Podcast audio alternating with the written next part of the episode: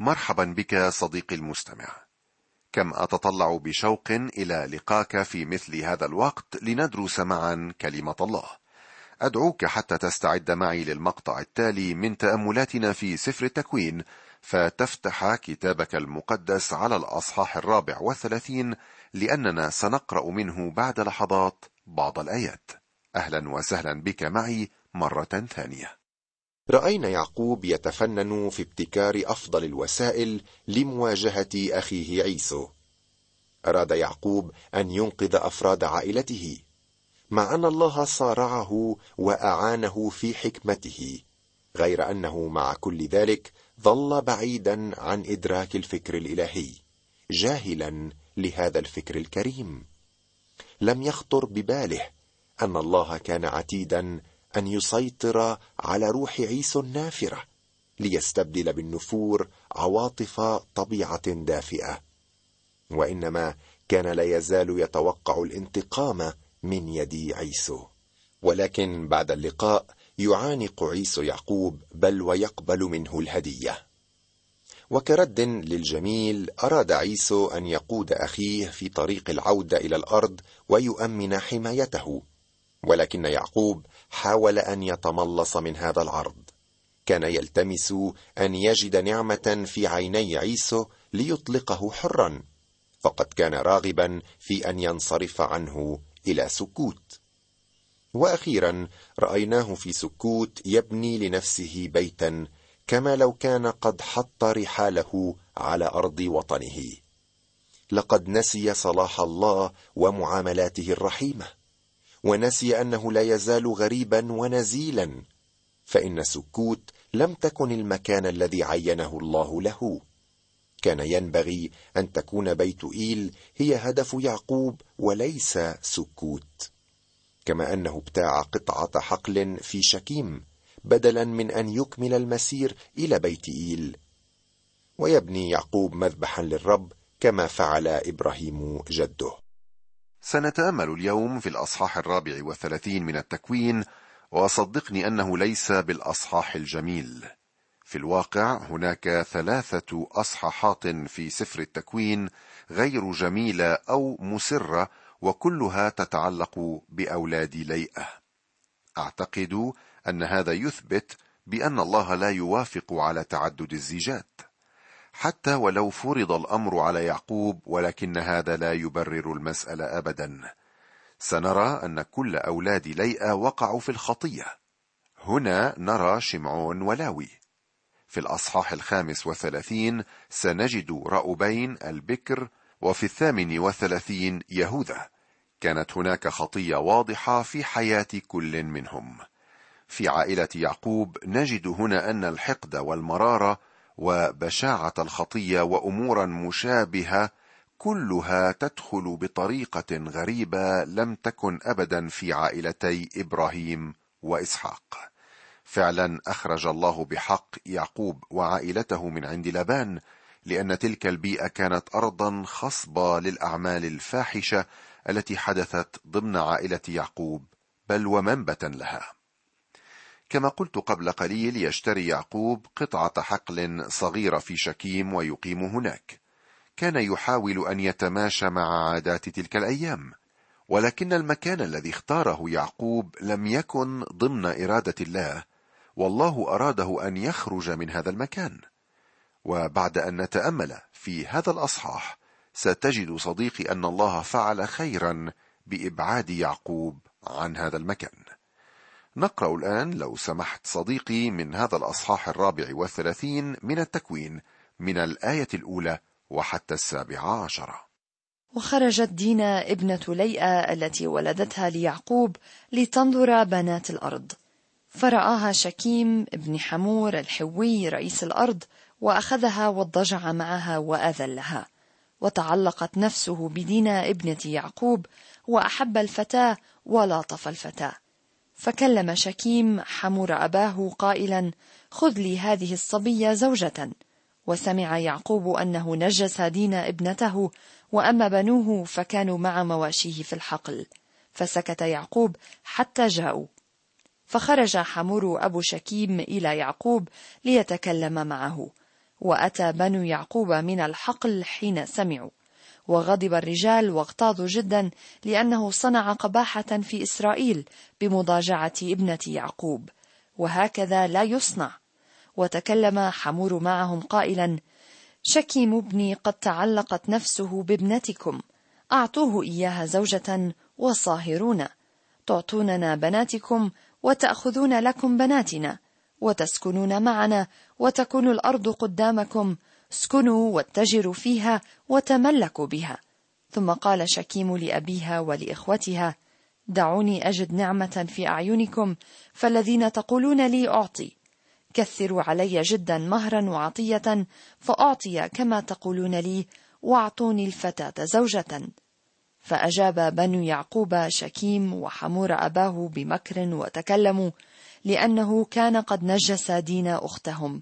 فقالوا لهما لا نستطيع أن نفعل هذا الأمر أن نعطي أختنا لرجل أغلف لأنه عار لنا.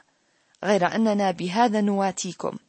إن صرتم مثلنا بختنكم كل ذكر نعطيكم بناتنا ونأخذ لنا بناتكم. ونسكن معكم ونصير شعبا واحدا. وإن لم تسمعوا لنا أن تختتنوا نأخذ ابنتنا ونمضي. نعم. فضيحة في عائلة الإيمان وهزيمة في نفس يعقوب. وخرجت دينا ابنة ليئة التي ولدتها ليعقوب لتنظر بنات الأرض. تخرج دينا لتتنزه مدفوعة بحب الاستطلاع مما عرضها لمواجهة مع ابن رئيس الأرض وهناك وقعت الواقعة. اسمح لي أن أضع القصة في لغة الصحافة اليوم.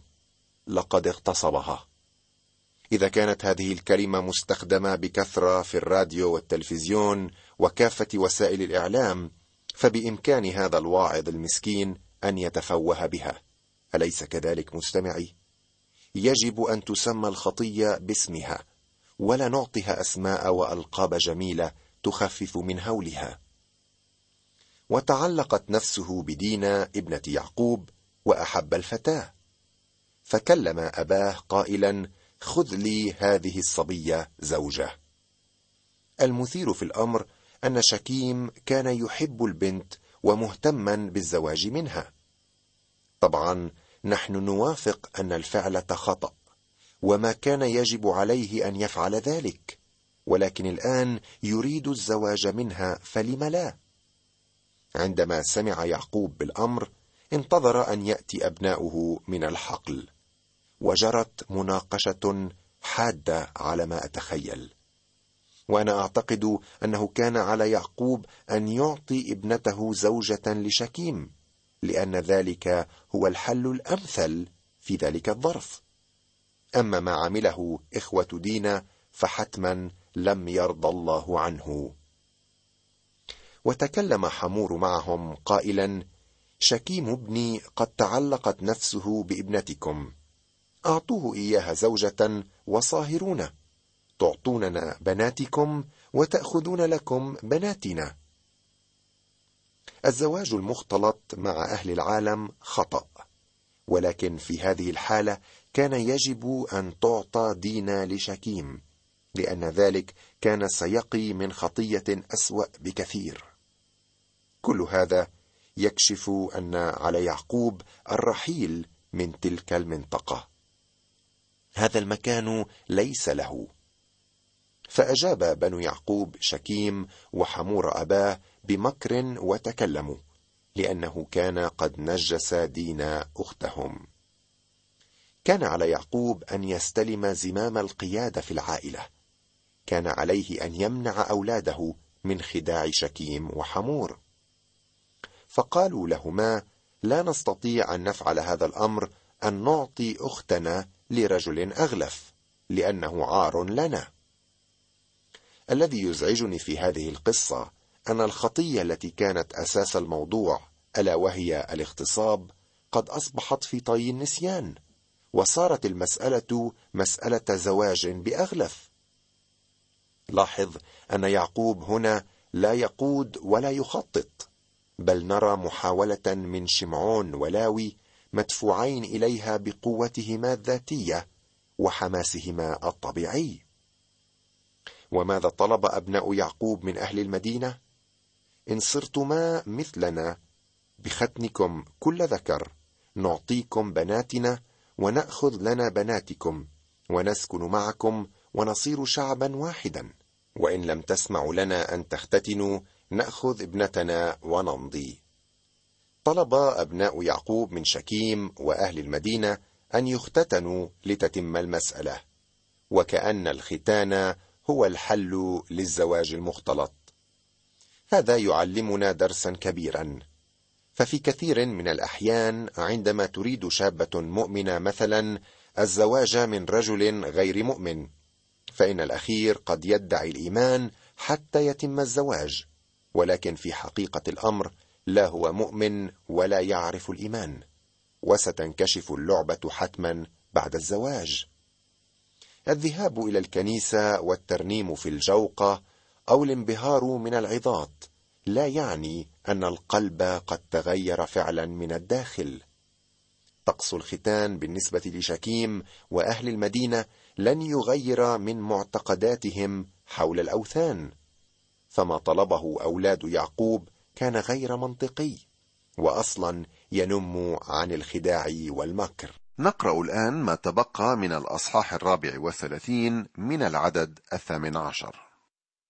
فحسن كلامهم في عيني حمور وفي عيني شكيم بن حمور ولم يتأخر الغلام أن يفعل الأمر لأنه كان مسرورا بابنة يعقوب وكان أكرم جميع بيت أبيه.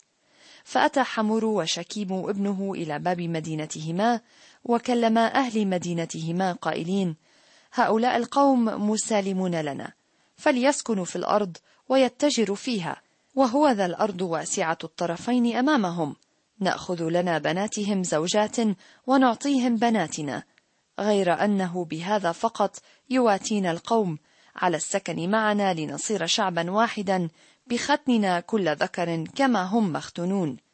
ألا تكون مواشيهم ومقتناهم وكل بهائمهم لنا نواتيهم فقط فيسكنون معنا. فسمع لحمور وشكيم ابنه جميع الخارجين من باب المدينة واختتن كل ذكر كل الخارجين من باب المدينة. فحدث في اليوم الثالث إذ كانوا متوجعين أن ابني يعقوب شمعون ولاوي أخوي دينا اخذا كل واحد سيفه وأتيا على المدينة بأمن وقتلا كل ذكر. وقتلا حمورة وشكيم ابنه بحد السيف وأخذا دينا من بيت شكيم وخرجا. ثم أتى بنو يعقوب على القتلى ونهبوا المدينة لأنهم نجسوا أختهم. غنمهم وبقرهم وحميرهم وكل ما في المدينة وما في الحقل أخذوه وسبوا ونهبوا كل ثروتهم وكل أطفالهم ونساءهم وكل ما في البيوت. فقال يعقوب لشمعون ولاوي كدرتماني بتكريهكما إياي عند سكان الأرض الكنعانيين والفرزيين وأنا نفر قليل فيجتمعون علي ويضربونني فأبيد أنا وبيتي. فقالا أنظير زانية يفعل بأختنا؟ لاحظ أن شكيم كان جادا فعلا واستعد أن ينفذ كل ما طلب منه وكلم أهل مدينته وأقنعهم بالختان. بختننا كل ذكر كما هم مختونون ألا تكون مواشيهم ومقتناهم وكل بهائمهم لنا نواتيهم فقط فيسكنون معنا.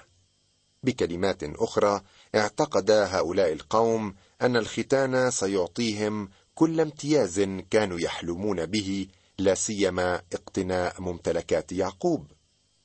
واختتن كل ذكر كل الخارجين من باب المدينة. تم طقس الختان المزيف الذي يمثل اليوم الذهاب إلى الكنيسة والتدين دون تغيير حقيقي في القلب وإيمان راسخ في المسيح. فحدث في اليوم الثالث إذ كانوا متوجعين أن ابني يعقوب شمعون ولاوي أخوي دينا أخذا كل واحد سيفه وأتيا على المدينة بأمن وقتلا كل ذكر. هذه خدعة حقيقية.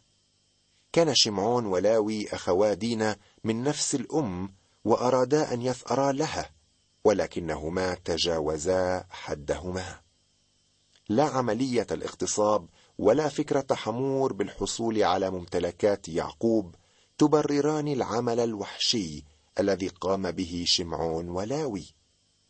وتشارك الأبناء الآخرون في الجريمة. ولم يتوقف الأمر عند حد القتل فقط بل والنهب والسرقة أيضا. وهذا يظهر الجشع والبغضة في عائلة يعقوب الأمر الذي تعلموه في بيت لبان. فقال يعقوب لشمعون ولاوي كدرتماني بتكريهكما إياي عند سكان الأرض الكنعانيين والفرزيين وأنا نفر قليل فيجتمعون علي ويضربونني فأبيد أنا وبيتي. لاحظ مستمعي هذا الأمر الخطأ في حياة يعقوب. تراه يوبخ شمعون ولاوي لأنهم جلبوا العار على اسمه ولا يوبخهم على فعلتهم المشينة. كثيرا ما نخطئ في تقييمنا للخطية وفي تفكيرنا إزائها. نفكر دائما في التأثير الذي ستحدثه الخطية. كثيرا ما يفعل الناس امورا ليس على أنها خطأ أو صواب بل ما إذا كانت تتماشى مع آراء الناس أم لا. هذا مقياسهم. ليس كلمة الله أو كونه ابن الله بل كيف سيفكر الآخرون؟ لهذا السبب نجد الكثير من المؤمنين المساومين في الحق وبالتالي الذين يجلبون على حياتهم الروحية البؤس والشقاء. يا لها من سعادة عندما نقف للحق بدون أي مساومة. نعم نما يعقوب المسكين في حياته ولكنه لم ينمو كفاية. ثم يقول بعدم إيمان أبيد أنا وبيتي. إن الوعد الذي أعطاه إياه الله قبل ذلك من شأنه أن يبدد جميع مخاوفه وكل اضطراباته وينزع كل هم من قلبه الضعيف. لكنه واضح أن فكره كان مشغولا بالخطر الذي كان يحدق به من أهل شكيم لا بالعناية التي وعده بها الله. ويحاول الصبيان المدافعه عن أنفسهم. لو أرادوا فعلا أن يحلوا الأمر بأيديهم كما يجب لتوجب عليهم أن يستمعوا لأقوال شكيم وأن يسمحوا له بالزواج من أختهم. لكان ذلك أفضل ما يعمل في ذلك الظرف. ليس الأصح ولكنه الأفضل على أي حال. هذا أفضل من الجريمة النكراء التي اقترفها أبناء يعقوب. لا يوجد أي عذر ولا أستطيع أن أدافع عنهم البتة. ما كان يجب عليهم أن يفعلوا ما فعلوا. اسمع ما يقول بولس حول موضوع الثأر يا أخي في العهد الجديد. لا تنتقموا لأنفسكم أيها الأحباء بل أعطوا مكانا للغضب لأنه مكتوب لي النقمه أنا أجازي يقول الرب. فإن جاع عدوك فأطعمه وإن عطش فاسقه لأنك إن فعلت هذا تجمع جمر نار على رأسه. لا يغلبنك الشر بل اغلب الشر بالخير. اقرأ صديقي الأصحاح الثاني عشر من رسالة رومية فهو فعلا دليل لكل مؤمن يريد أن يحيا حياة ترضي الله. في اللحظة التي نحاول فيها الثأر فإننا لا نسلك بالإيمان وكأننا لا نثق بالله ليحل المسألة. وأنا لا أظن أنه كان بإمكان يعقوب أو أبنائه أن يصلوا لهذا المستوى الروحي في ذلك الوقت ولكنك لا تستطيع أن تبرر هذه الفعلة المشينة التي اقترفوها لشعورهم بالعار ولحماستهم على أختهم. ترى كيف نقيم موقف يعقوب مستمعي؟ سأتحدث عن ذلك في الحلقة المقبلة إن شاء الرب وأعطانا حياة. حتى نلتقي ثانية أستودعك الله.